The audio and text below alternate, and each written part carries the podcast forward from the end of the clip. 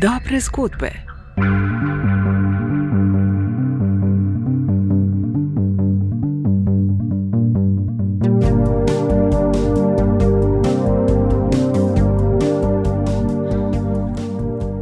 Dobro jutro, dober dan, dober večer. Pozdravljeni v dobrih zgodbah, podkastu Mladinske knjige. Z vami sem Živa Jalovec in uh, z mano v družbi tudi Leonard Kučič. No, ampak tudi v tokratni epizodi ne bova sama, ampak imamo dve gosti, s katerimi se bomo pogovarjali o dveh knjigah. Z nami bosta Silvana Orovkos, odlična prevajalka, ki je pred kratkim prevedla zbirko družbeno angažiranih kratkih zgodb Vse, Jane Teller.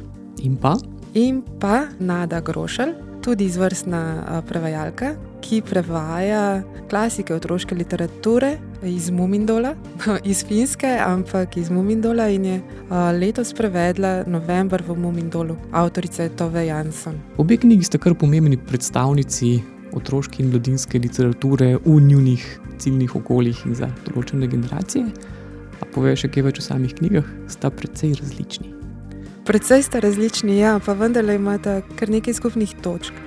Kratke zgodbe iz zbirke Vse. Tam se sprašujemo, kaj mladega človeka pripravi do tega, da, da naredi nekaj nerazložljivega. Ali nasilnega nekomu ali drugemu. Ja, in mogoče nam bo knjiga pomagala pri razumevanju nestrpnosti in skrajnosti. Ja, ta, to, to knjigo je mogoče res brati skozi zelo to aktualno perspektivo dnevnih dogodkov, s katerimi nas tudi zasuvajo mediji, medtem ko Mumindol je pa saj na vides bolj odmaknjeno idiličen. November v Mumindolu, uh, knjiga, ki jo je prevedla Nada Grošal, pa nas bo pre, uh, predstavil v Mumindol, ki je bolj pravličen, ki je bolj zgodbarski, pa vendarle resničen v občutju, v čustvih, v večplastnosti karakterjev, ki jih spremljamo. In se ne izogiba tudi takim težjim vprašanjem, in pa kar je zelo zanimivo in značilno za to sodobno in otroško in mladinsko literaturo, da veliko več poudarka daje na psihologijo in seveda s tem pomaga razumeti, kaj se v likih dogaja. Tako da, Vabljeni v realnost in vabljeni v Mumindol.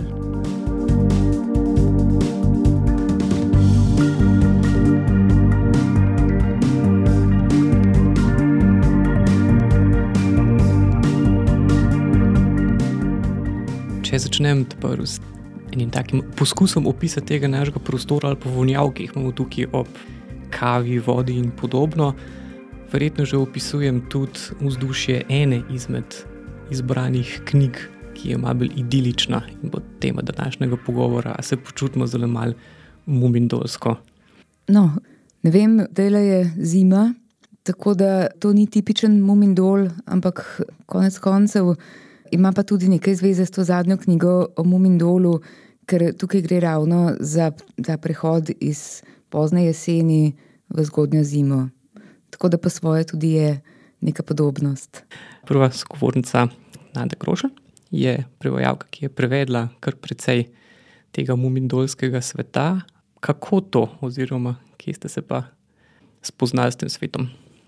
Torej, ko sem hodila še na filozofsko fakulteto, na lektorat švedščine, smo tam kot del tega lektorata pri švedskem lektorju Macu Jutforšu brali ravno uh, Nevidnega otroka in druge zgodbe avtorice Tuve Jansson. Zdaj, um, te zgodbe nikakor nis- niso samo otroške, kajti čeprav se v njih več čas po- po- pojavljajo besede kot mama, očka in podobno, Družinski elementi. družinski elementi in to recimo z neko tako dosto otroško dikcijo.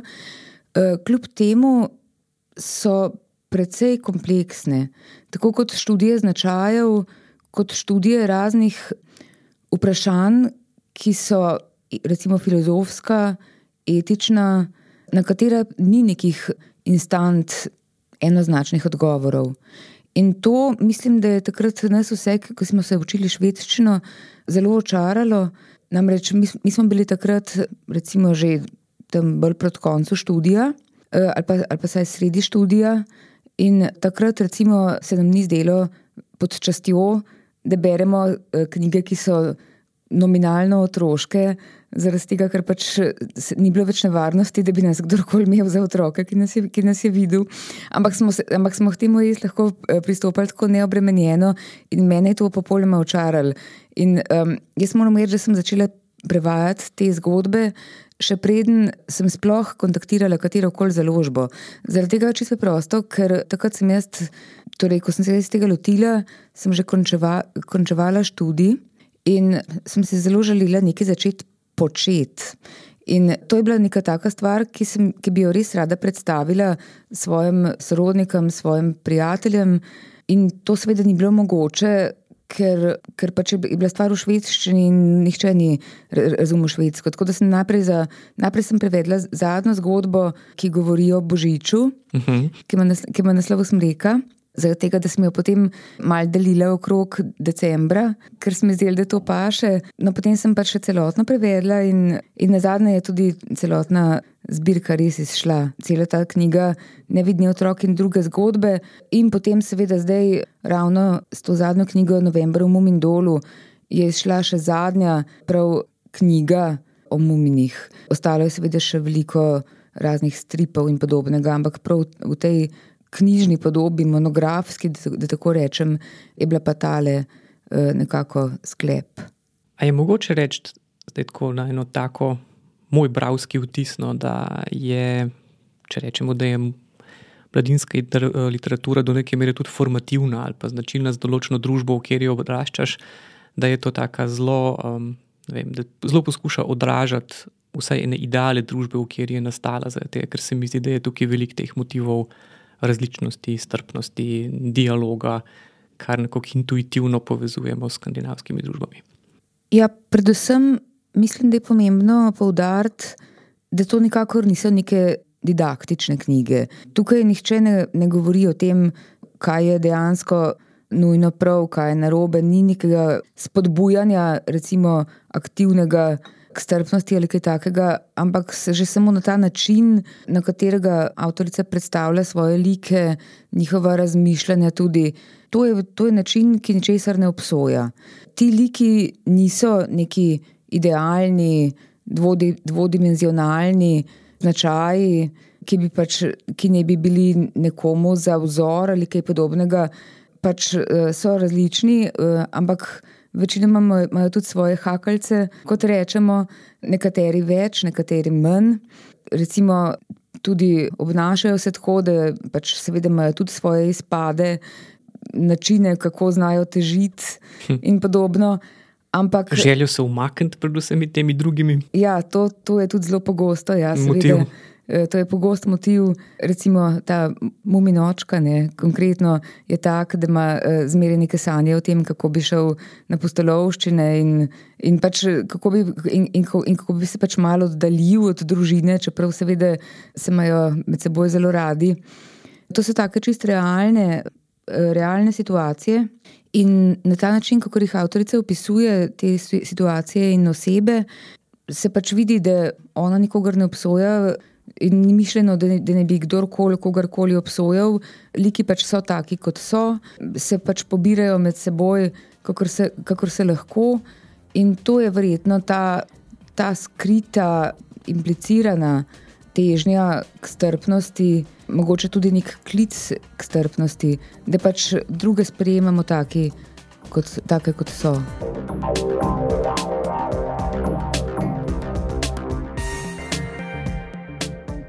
Na videz popolnoma nasprotna knjiga, ampak izhaja pa iz podobne družbe, je pa vse. In uh, pred tem pogovoru je prevajalka Silvana Orovko spovedala, da je med prevajanjem te knjige krmečkan trpela. Zakaj?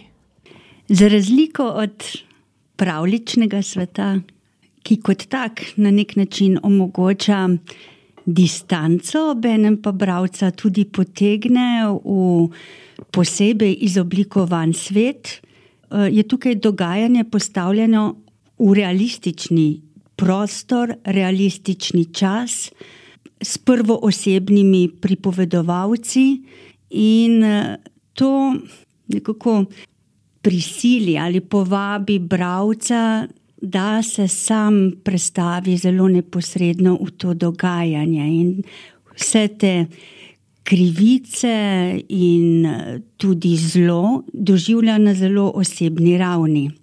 Ne, tako da opisano dogajanje, dogajanje je precej kruto.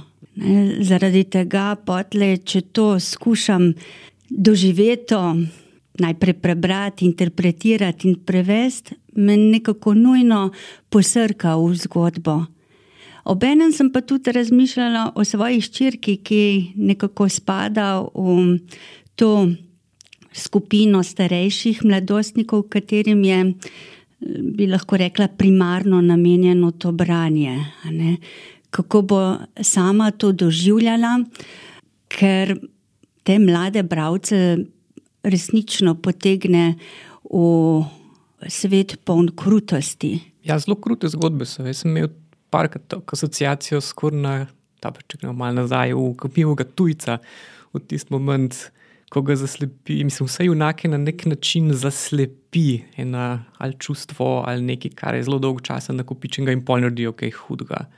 In pol sami s sabo nekje mal, ne, včasih za nazaj, včasih za naprej, prepodujejo to zgodbo. Tako da ja, ta motiv koliko časa se nekaj nabira v nekomu, ali osamljenost, ali zapuščenost, mm -hmm. ali zasramovanje, ali ne vem, koga in pojmu pač poč, je kar zelo je, je. realno prikazan. No, in prikazani so v tem nekem prelomnem dogodku, ne, ko se še ne zavedajo, iz česa to izhaja, sej tudi ni tako, bom rekla, v teh zgodbah zelo neposredno pokazano, kaj je bilo še vse v ozadju, ampak kako bodo potem se odzvali na to situacijo naprej, kako bodo iz te izhajali. Tako da nekako bravca kot te like.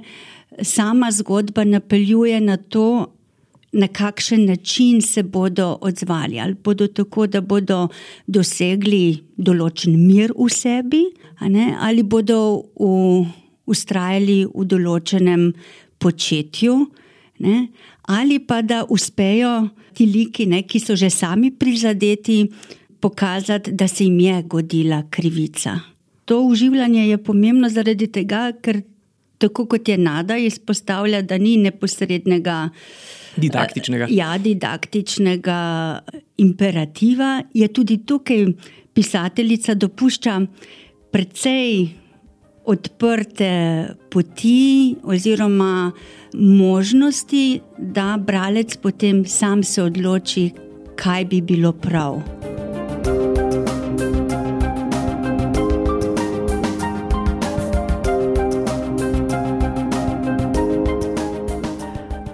Imate občutek, ali pa je mogoče reči, na kakšen način se mladinska literatura nekako poskuša osredotočiti na te nove tematike? Ker po eni strani so stvari lahko dosti večne, pa univerzalne, ampak kaj, hm, kaj bi bilo recimo drugače? Jaz se nekaj spomnim nekih takih podobnih knjig, ki so bile tudi razmeroma kontroverzne.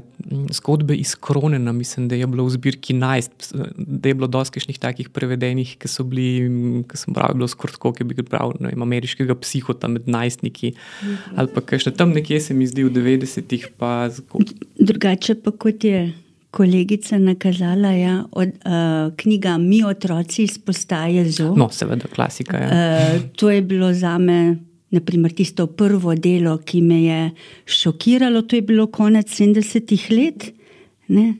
In sem bila tudi sama v teh, a ja, sicer še zgodnja najstniška leta, torej sem ravno vstopala v ta svet, ki nakazuje bolj odraslo s poprijemanjem življenjem, ne, ven iz otroškega sveta. Ja, ravno v začetku najstniških let in kot vidim, še vedno še ta leta berejo otroci v kasnejših eh, osnovnošolskih razredih prav to knjigo. Mi, otroci iz postaje ZO, ki smo jo sicer verjetno jaz v 90-ih, ja. mogoče kdo mal prej, brali drugače. Ne? Takrat je bil tudi David Bowie še med nami. Tako da bi bilo zanimivo mogoče slišati pa iz današnje perspektive mladostnikov, kako berejo prav to knjigo, ne? kaj jim pomeni Berlin, ki je tudi mm -hmm. zdaj veliko bolj dostopen, kot je bil v naših časih. Mm -hmm. Takrat je bilo to uh, skoraj da bolj nekakšno skrivno branje, ki je postajalo kultno branje, ampak opazovali smo z obrobja to vrstno literaturo. Ta zbirka novel pa je pravzaprav ponujena neposredno tudi mlajšim bralcem. Ne? Tako da so bolj neposredno nagovorjeni kot takrat. A pa imate kakšno informacijo, kako bi ali pa je to brala vaša hčerka? Ponudila si mi nekaj novel v branje in je bila, tako kot jaz, je bila šokirana. Ne? Tako da se mi zdi dobro, če imajo ti mladi najstniki vendarle še nekakšno vodenje skozi to branje. Tudi če pogledam, kaj dobijo zlasti. Ne, zdaj bom rekla v zadnji triadi, ampak mogoče v devetem razredu, kakšno je čtivo za bralno značko. Vidim, da so to precej krute zgodbe o zelo težkih temah. Tako da, če pogledam samo sebe nazaj, je bilo edino, kar nas je šokiralo, je bila knjiga otro, Mi, otroci z postaje zo. To je bilo tisto, kar je ja, najhujše, kar si lahko v tistem času bral. Zdaj pa je že večino seznama izpo, um, izpolnjujejo taki naslovi. Ne, kjer je, so obravnavani naprimer, samomor, prostitucija, sprememba spola, nasilje v družini, nasilje med najstniki. Dejansko potem tudi ta, te knjige, ne, ta izbor knjig, naleti na mešane odzive, ker recimo starši so pogosto zelo, zelo eh, zaščitniški, ne, pač poskušajo otroke uvijati v vato, in potem je problem. Ker se eh, recimo pritožujejo nad izborom določenih, določenih del, ki so res zelo problemsko zastavljena, Ampak meni osebno se zdi, da je to kvečemu dobro. No. Prvič, takrat, ko sem bila še jaz majhna, Takrat je mogoče bolj veljalo, da pač nekatere knjige pa niso za otroke, no, ampak to je, to je bila potem dodatna incentiva, da si, da, da si šel to knjigo brati. Recimo, jaz ne vem, če bi prebrala cele brate Karamazove, če mi ne bi rekla mama, ko sem bila še vem, stara 11 let, da, da, tole, ne, da to še ni za me. No, da, mislim, seveda, no, in, to, in potem sem šla jaz seveda brati te brate Karamazove od A do Ž. In to je to recimo ena taka zelo fajna incentiva. Um, jaz bi mogoče še tukaj to dodala, da se literatura že od samih začetkov omogoča soočanje s temi krutimi, krutimi temami. Ampak najprej je bilo, recimo, če tako pogledamo mite, je bilo to postavljeno na neko mitsko raven, kjer so, kjer so bogovi obračunavali drug z drugim, ne, govorili pa so o zlu, ki je v posamezniku, ki je v odnosih, v družbi. Potem, če gledamo naprej, razvoj pravlic je šlo na recimo spopade ali odnose med ljudmi in bogovi ali nadnaravnimi biti. Potem je šlo nekam čisto v pravlični svet. Zdaj, te zgodbe, ki jih imamo pa tukaj, so pa resnično postavljene v samo življenje, tako kot, kot ga živimo. In to je tisto, kar je, vsaj za me, bom rekla, kot starša, še posebej grozljivo. Ali kot prevajalko, ali kot bravko, da so to stvari, ki se dogajajo lahko v meni, v moji družini, pri sosedih ali resnično v naši družbi. Pa bi mogoče raje videla, da bi hčerka brala krimiče, recimo Joea Nezboja, kot to realno literaturo zaradi neke mogoče distance. Ah, eno in drugo je zanimivo, oziroma želim, da ima čim širši nabor zvrsti, ki jih, pre, uh, ki jih prebira. Torej, to je en, uh, ena smer v izoblikovanju nekega občutka za literaturo. Torej, treba je tudi krimiče, ne? ali pa bom rekla, tudi šunt literatura, zato da lahko kaj drugega drugače bereš ali tudi ceniš.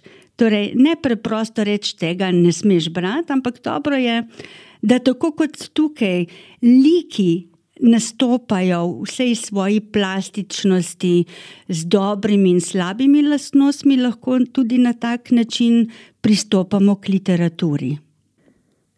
Ja, mislim, da je to tudi zelo različno, ne? ker ni nujno, da je žanrska literatura slaba literatura. Lahko so ravno tudi krimiči, ne so lahko super, tudi kot psihološke, neke psihološke študije, lahko so napisani blazno spritno, tako da so uh, res napeti, da ne moreš nehati brati in tako naprej. Zdaj, jaz moram reči, da z ljubezenskimi romani nimam kakšnih pretiranih izkušenj, ker jih nikoli nisem marala, jaz sem imela zmeraj rada bolj grozljive pa, eh, pa bolj kriminalne romane. Ampak, eh, recimo, sem pa tudi že par takih prebrala, ki so bili zelo duhoviti. Ne? In ena stvar je to, da je a pač stvar sodi pač načelno v neko žanrsko kategorijo, druga stvar je pa to, če je enostavno napisana na način, ki se ti zdi slab ali pa ki, recimo, ki tebi pač ne paše. Ker mislim, da, da v tem primeru pač, uh, ne bo, se ne bo, ne, ne bo silil s tisto knjigo, ampak jo bo enostavno odložil. Če pa, če pa je tako, da te mika do konca prebrati, pa gotovo je nekaj tazga na njej, da ti je vsaj za takrat, ko se z njo ukvarjaš, všeč. In potem, seveda, um, pač recimo, lahko ti je všeč nekaj časa, v določeni starosti, potem, seveda, jo pa recimo prerasteš, ampak to ti gotovo vse vem, vse, vse to ti pač nekako izoblikuje, ne, nekako zaokrogli tvoj pogled na svet, na, na, na literaturo. Vse. Se en tak zanimiv vprašanje, glede na to, da imate vidve zelo širok prevajalski opus, kako naredite ta prehod v eno otroško, recimo, da ne padete v stereotipe, da niste pokroviteljski, kako nekako nagovarjate eno generacijo. Ne vem, jaz sem po naravi precej kameleonska očitno, ker pravzaprav pri vsaki knjigi, ki jo delam, lahko padem v, tist, eh, v tisti svet, v tisti register, če tako, če tako eh, lahko rečemo. Ne glede na to, ali je to nekaj iz antike ali je nekaj magari čisto sodobnega ali pa nekaj vmes, lahko je tudi filozofija ali pa ne vem, mitologija, karkoli. Lahko so eh, take čisto otroške knjige, ampak stvar je v tem, da če je knjiga dobro napisana, potem te preko slej posrka vase. Zato, ker če pa je knjiga taka, da je pa bolj je, kot se reče. V tem primeru pa ji nič ne pomaga, ne, ne glede na to, kako se uživiš. Kam, kako se uživiš. Mislim, pravzaprav se niti ne, mor, ne moreš mm -hmm. uživeti, no? ker te enostavno moti tisti način. Ker to sem pa že videla, recimo, tudi take knjige, ki sem pač enostavno pač pogledala par strani in sem dala stran, ker se ne, se ne, se ne bi človek s tem matral. No. Ampak drugače, pa, če je pa knjiga dobra, pa tudi če, tudi če recimo, je taka zgodba, ki je zelo težka in jo mogoče sploh ne bi hotel brati kot bralec, ker bi rekel, da je preveč depresivno za me ali kaj takega, ti vseeno, ko pa to prevajaš ne, in ko se v to poglobiš in ko si pozoren na, na tekst z neke druge perspektive, so ti pa lahko take stvari, ki bi se jim mogoče celo izognil, torej v svoji bralski izkušnji, blazno super in te, in te res po, eh, posrkajo in razmišljaš samo še o tem, kako bi to uspešno podal v slovenščini. Na tej točki mogoče lahko omenim uh, roman Normalni ljudje iz Sally Runi. Ne vem, če ste ga že uspeli prebrati, ampak je noro popularen, tudi Guardian ga je vklical za enega najboljših romanov 21. stoletja. Govori pa o večinoma o notranjem svetu dveh na začetku najstnikov, ki seveda odraščata. In ki, ko si sam pri sebi rečeš, kaj pa me zanima, kaj se nekemu najstniku plete po glavi. Ampak je tako odlično napisana knjiga, da jo poješ v parih urah, dobesedno, in te navduši in te ne pusti hladnega. Ne? Ravno v tem kontekstu, ko si rečeš, zakaj bi sploh šel brati neko knjigo, neko zgodbo ampak te res potegne vase.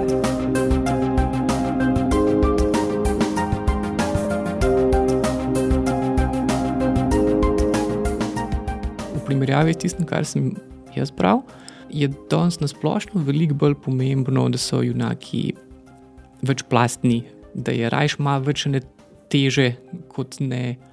Aj to samo vtisa, se dejansko kaže, recimo, da so otroške in mladinske stvari, da se vnaša več temnejših potonov. Tudi recimo ta navidez idilični mumin dol se temni nekako z letnimi časi.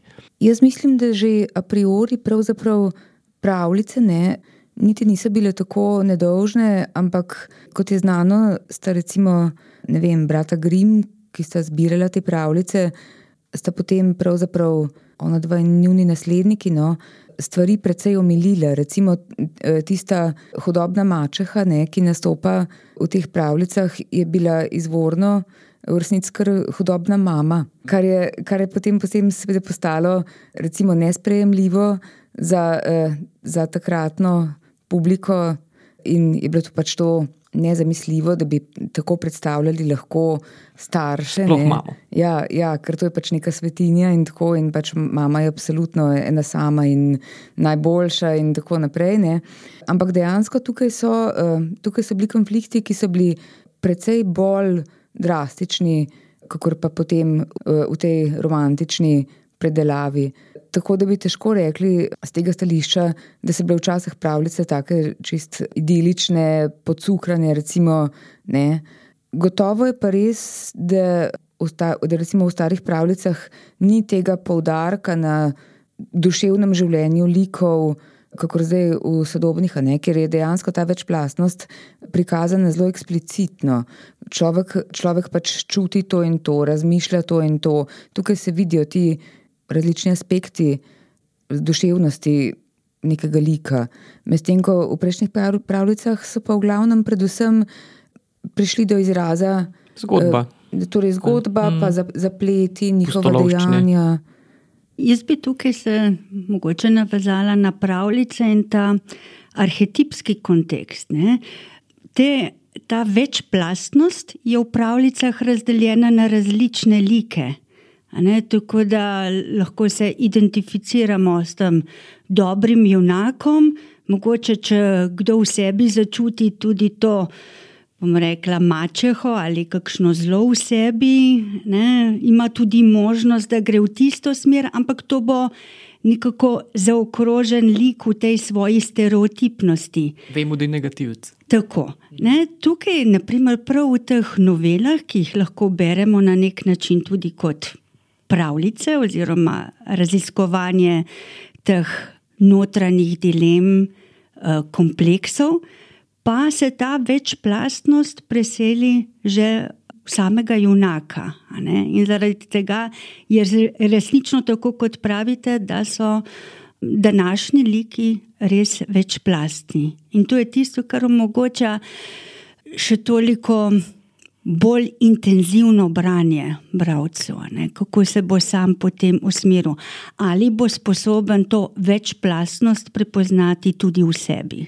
Pa tudi se mi zdi pri branju romana vse, da je doskrat izpostavljen tudi prikrita ideja sistema. Kar pomeni, ko potem junaka, recimo, temu, ali doleti, ali zdaj kazen, ali zdravljenje, ki izgleda kot kazen, ali tole tudi težko postaviš, kdo je zdaj tukaj kdo se je osvobodil, kdo je pa represiven ali pa kdo varuje koga pred kom. To, tudi ta element se mi zdi tukaj dost nekje ja. v medvrstičju. V vseh teh kratkih zgodbah lahko sledimo temu tudi eh, dvogovoru med individuom, individuumom, med posameznikom in družbo, ne, samim sistemom. Ali mu pomaga, ali ga potiska še v hujše zlo. A je tudi zaradi tega avtorica romana večkrat deležna kritik, da izpostavlja ta del? Verjetno že bom rekla čisto tako. Nezavedno, a ne se sistem ustraši te izpostavljenosti, in zaradi tega so se v začetku, ko je izdala prvo to vrstno delo, roman Nič, so se zelo Eh, zgražali in obsojali njeno pisanje.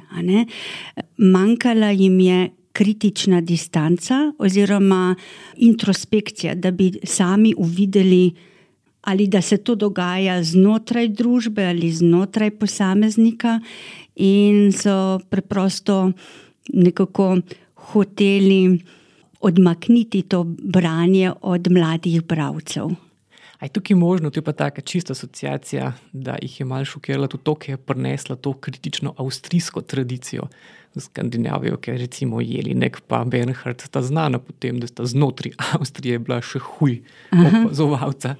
Čisto mogoče in Jana je lahko to pripeljala, ker je sama v sebi eh, videla to razpetost, bom rekla, nekako kulturne tujke oziroma osebe, ki združi, združuje v sebi različne kulture ne, in se je lahko opazovala, kako je to sprejeto v danski kulturi, ki je sicer. In danski družbi, ki je zelo demokratična, pa je bila vendar tudi še kot otrok ali kot um, ena od junakin v noveli Ptiči rožice drevesa, že zaradi temnejših las, malce temnejše poti ali bom rekla te avstro-ogrske genske zasnove, ne zapuščine, da je, bila, da je izstopala isti, v tistem okolju. Obenem pa je čutila, da je del tega sistema, te družbe. Ne? Ki je hodila propadati. Tako. Ne? Torej, sebe je lahko videla z različnih perspektiv in kaj to pomeni za njo, kaj, na kakšen način to lahko pripomore k temu, da se bo počutila kot zaokrožena celota, kot en vse znotraj različnih vsejev, tako kot nakazuje ta naslovnica. Po drugi strani, eh, za švedsko književnost se pa meni zdi, da je dejansko, vsaj za te boljše primerke, ne, predvsej značilna neka mračnost. Na nek tak način, ki meni osebno zelo ustreza. Jaz sem to zelo rada, ampak verjetno pa se zdi komu, komu tudi zelo, eh, zelo temačno. Zdaj ne mislim samo pač kriminalke, ne kriminalke so itak poglavje zase, ampak tudi čisto klasike, kot je recimo vem, Dr. Glas od, od Söderberga in tako. In zanimivo se mi zdi to, da da recimo na švedskem so tudi dosti promovirane za otroke, tako zelo, zelo problemske knjige. Recimo, jaz sem pač prevedla knjigo, kako je odraščal komik Junasa Gardela, ki je bila. Ki je dejansko za moj pojem kar hud zalogaj. Mi smo jo brali na tem uh, lektoratu švedščine, ampak recimo prebrala sem potem na internetu, da so jo pa celo razdelili za ston izvode, recimo vsem otrokom po, šo, po osnovnih šolah in v tem smislu.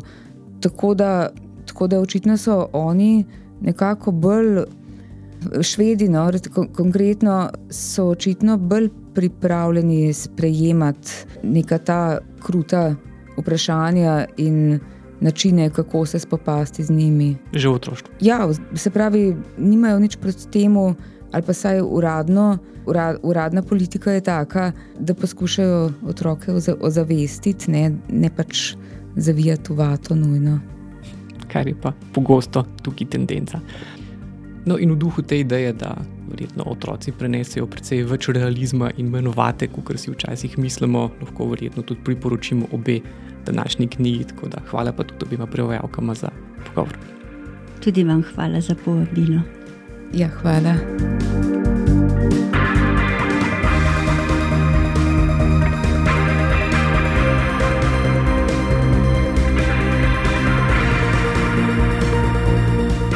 Dobre zgodbe, podcast Medinske knjige lahko spremljate na Twitterju, na Facebooku, na Instagramu in na naši spletni strani mladinska.com. Knjige, o katerih smo se danes pogovarjali, torej November v Mumindolu, vse, pa omenili smo tudi Joe Nesboja, pa normalne ljudi. Vse te knjige najdete v knjigarnah Mladinske knjige in pa na mk.si. Se beremo.